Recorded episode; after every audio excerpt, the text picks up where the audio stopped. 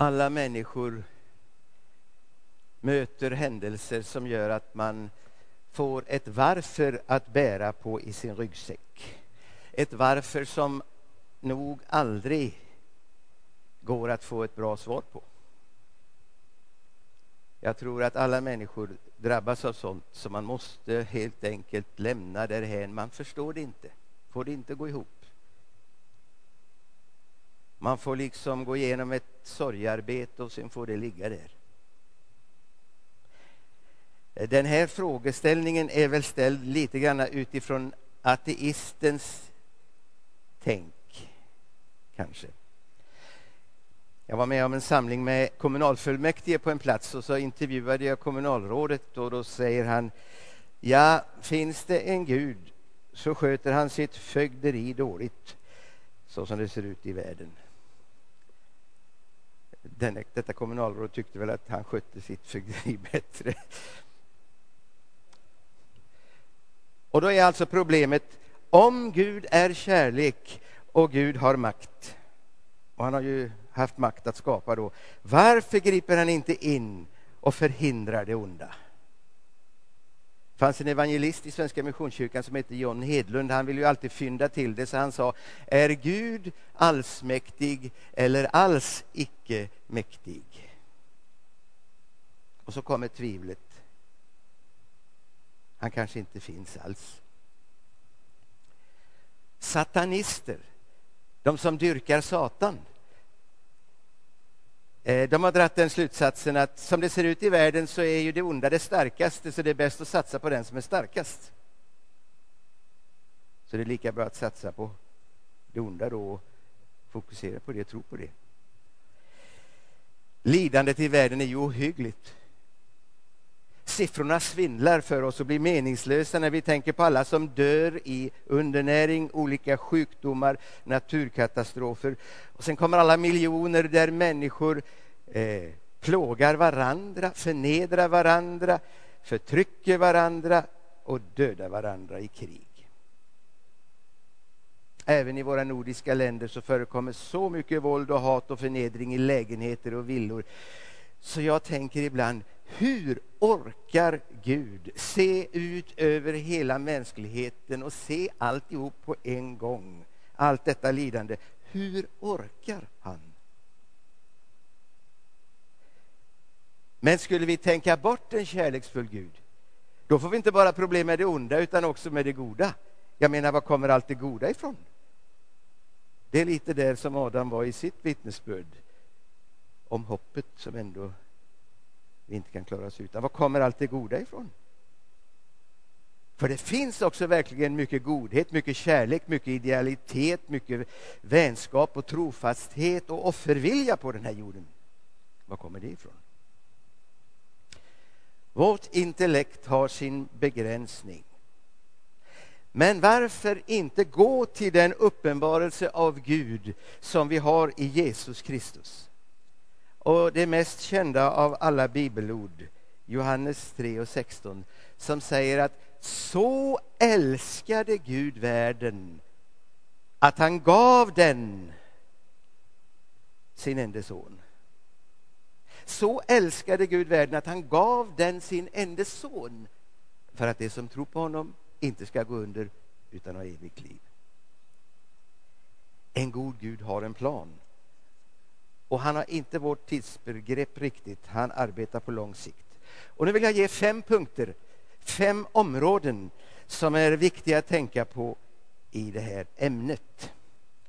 Och den första, det första jag vill nämna om det är människans ansvar i relation med Gud. Det spelar in varför det blir som det blir, men det säger inte allt. Vi slingrar lätt oss ifrån ansvaret genom att säga varför förhindrade inte Gud det onda? Och så nästan vi skyller på Gud fast det ofta är vi som gör det onda. Varför skapade han människan sån? Han måste ju ha vetat hur det skulle gå, säger man ibland. Och så degraderar vi då människan till någonting mycket lägre än vi är skapade till. Vi är moraliska varelser, skapade till Guds avbild. för att leva i gudomlig gemenskap med honom. Det är liksom ingen idé att säga varför skapade han inte robotar, för det hade han inte haft någon glädje av. Vi måste inse vilka vi är. Vi måste inse att vi har en ett oerhört gudomlig och hög ställning. Nästan som Gud. Guds avbild. Nästan till en gud eller nästan som ett gudaväsen, står det i psalm 8. Och med tanke på vår, vårt gudomliga uppdrag så står det i psalm 82 att eh, ni är gudar, alla ni den Högstes söner. I en relation mellan Gud och människan med frihet att älska och frihet att förkasta kan allt hända. Och jag läser i Första Mosebokens sjätte kapitel. Herren såg att ondskan på jorden var, och människors uppsåt och tankar var alltid och alltigenom onda. Då ångrade Herren bittert att han hade gjort människan på jorden. Och jag tänker, kan Gud ångra? Kan han ha, kan han ha misslyckats så? Men, men det här uttrycker väl den absoluta förkrosselsen och sorgen i Guds hjärta, i Guds kärlek. Det är så mycket smärta där. Och så får floden på Noas tid komma och dränka världen. Men han börjar om därför att han vill umgås med människor. Jag läser i första Samuelsboken om Israels första kung Saul. När han har varit olydig mot Gud gång på gång och inte längre kan få ha kvar kungadömet. Och profeten Samuel som har smort honom, han sörjer oerhört. Och då står det, Herren ångrade att han hade gjort Saul till kung över Israel. Återigen. Det hade inte behövt bli fel om Saul hade förstått sin höga ställning i relation till Gud. Men Gud börjar om och utser David till kung i Israel. Alltså, livet är en relation mellan Gud och människan där Gud inte tar över sin älskade skapelse och kör över den utan han vill ha ett samarbete i kärlek. Och därför kan det se väldigt olika ut. Inte beroende på Gud, utan beroende på oss. Men det var en aspekt. Nummer två. Det finns en ond makt. Därför är inte allt som sker Guds vilja. Bibeln berättar om hur en ond, eh, ett ont energi, en upprorisk ängel, djävulen som har många namn i Bibeln, förleder redan de första människorna till att ifrågasätta Guds kärlek, Guds tanke, Guds omsorg och istället ta livet i sina egna händer. Den gudomliga relationen vi talade om gick sönder. Och inte nog med det, djävulen fick inflytande på den här jorden och han gör allt för att förstöra Guds skapelse. Jesus kallar honom för denna världens förste. Och Jesus utmanar just honom när han är på väg mot korset och säger nu ska denna världens förste utkastas. Inte ännu från den här planeten, men från högkvarteret i himlen. Men en dag också från den här planeten. Utan Jesus har vunnit seger över seger över mörkrets första. och Guds rike måste inta område efter område och människa efter människa. För Gud har en plan för den här världen. Men det finns en ond makt. Så allt som sker är inte Guds vilja. Den tredje aspekten på det här ämnet är att Guds värld är större än vår. När sjukdomar och olyckor förkortar människors liv. När oskyldiga barn dör i Afrika och på alla andra ställen. Då är det lätt att se alltihopa som ett nederlag. Och det gör ont. Men om vi kunde tänka större. Om vi kunde tänka Guds perspektiv. Så skulle vi få i alla fall lite tröst i det. Och vi ska be om en bild. Den där inre ringen då står för vår värld, det vi har överblick över. Och den yttre ringen står för Guds värld, som är mycket större. Och utanför Guds värld är ett mörker. En gång ska Gud bli allt i alla och då finns det inte ens något mörker. Men idag finns det ett mörker. Man kan hamna utanför Guds värld, men det är inte vårt fokus just nu. Där Gud är ljus och i honom finns inget mörker. Men när någon människa, när människor genom olyckor, sjukdomar och död lämnar vår värld så ser vi det som totalt slut. Men kan du se bilden? Att lämna den lilla ringen och komma ut ur den, försvinna ut ur den innebär ändå att vi är kvar i Guds värld. Gud är evig och det fortsätter. Eh, som man brukar säga i begravningsritualet, Gud är inte en Gud för döda utan för levande, för honom lever alla. Och Särskilt tydligt blir det ju om det är en människa som har tagit emot Guds nåd genom Kristus. Jesaja 57 säger Ansatt av ondskan rycks den rättfärdige bort. Men han ska få frid. Han ska få vila. Så när vi ser på oskyldiga barn i världen som dör så faktiskt går de in i en bättre värld. Gud räddar dem från eländet. Guds värld är större. Det kanske är en klen tröst, men det tillhör ändå Guds verklighet. Folkbibeln har valt att översätta det här stället i Jesaja 57 så här. Fromma människor rycks bort utan att någon inser att den rättfärdige tas bort för att slippa ondskan. Han går in i friden. Alltså, så här skulle jag säga, det vilar en Guds triumf även över allt elände, eller i allt elände. För Guds värld är större än vårt begränsade perspektiv.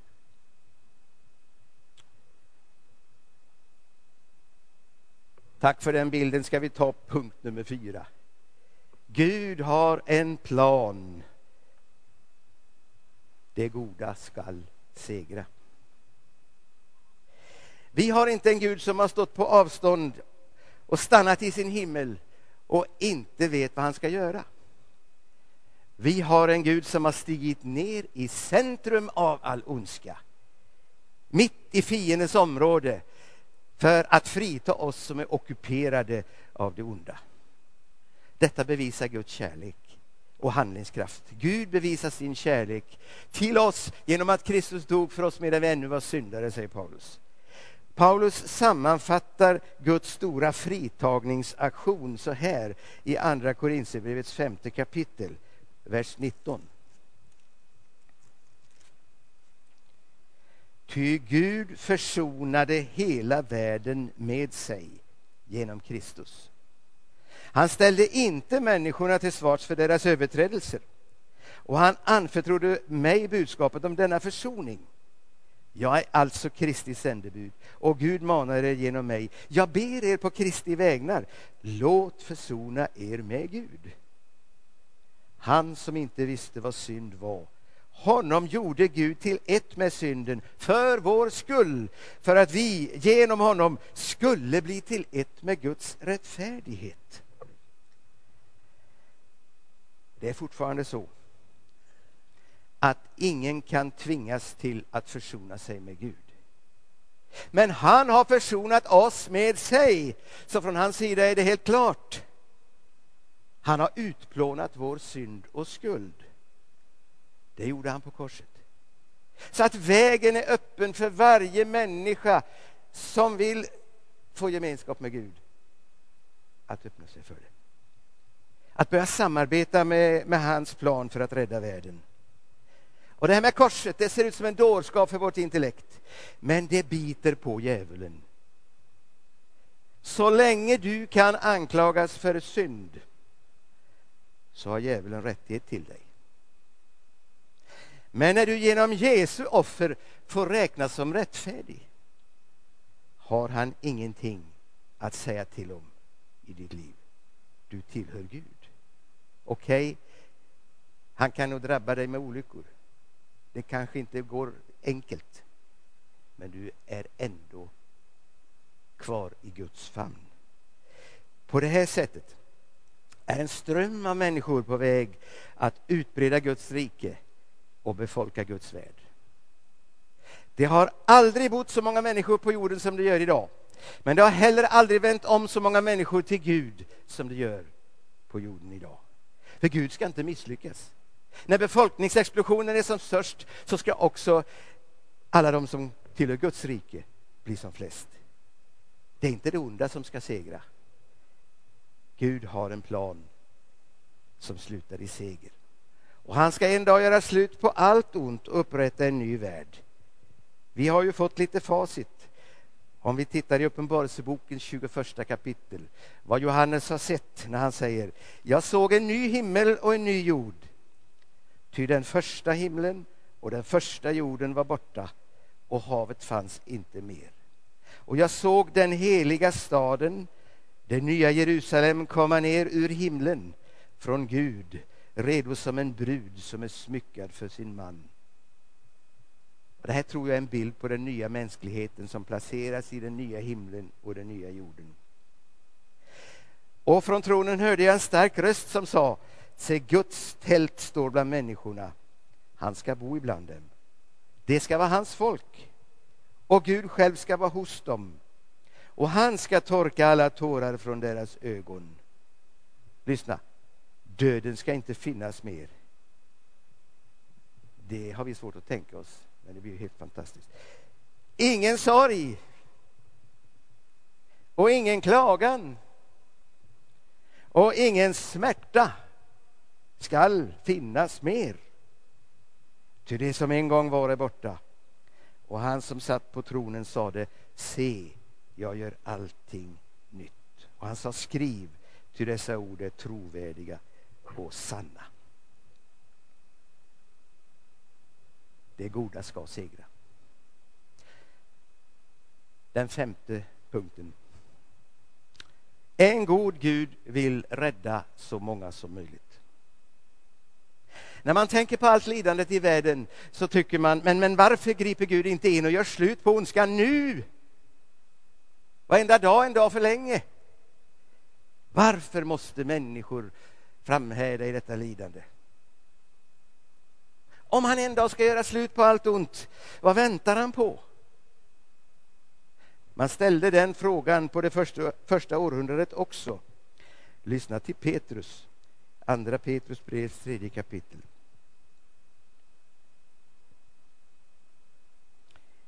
I de sista dagarna kommer det hånare som styrs av sina egna begär och som hånar er och frågar hur blir det med löftet om hans ankomst? Våra fäder har redan dött och allt är som det har varit sedan världens skapelse. Då bortser de från att det för länge sedan fanns himlar och en jord som har uppstått ur vatten och genom vatten i kraft av Guds ord. Den värld som då fanns strängtes i vatten och gick under, så, så allt har inte alls sett ut likadant i historien, säger Petrus. Men de himlar och den jord som nu finns är i kraft av samma ord sparade åt elden. Det bevaras till domens dag då det gudlösa ska förintas. Men en sak får ni inte glömma, mina kära, för Herren är en dag som tusen år och tusen år som en dag.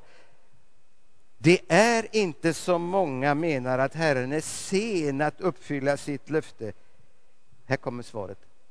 Han dröjer för er skull eftersom han inte vill att någon ska gå förlorad utan att alla ska få tid att omvända sig. Varför dröjer han? Eftersom han inte vill att någon ska gå förlorad utan att alla ska få tid att omvända sig. Skulle Jesus komma tillbaka idag, binda djävulen och döda alla som inte vill vara med i Guds rike, ja, då skulle det vara slut med ondskan på jorden, ja. Men då skulle det också vara slut med möjligheterna att vända om och bli räddad. Därför fortsätter den här världen att fungera som den gör ännu någon tid. Även om det finns mycket lidande på jorden. Och då ser vi ju Guds kärlek på något vis också i detta.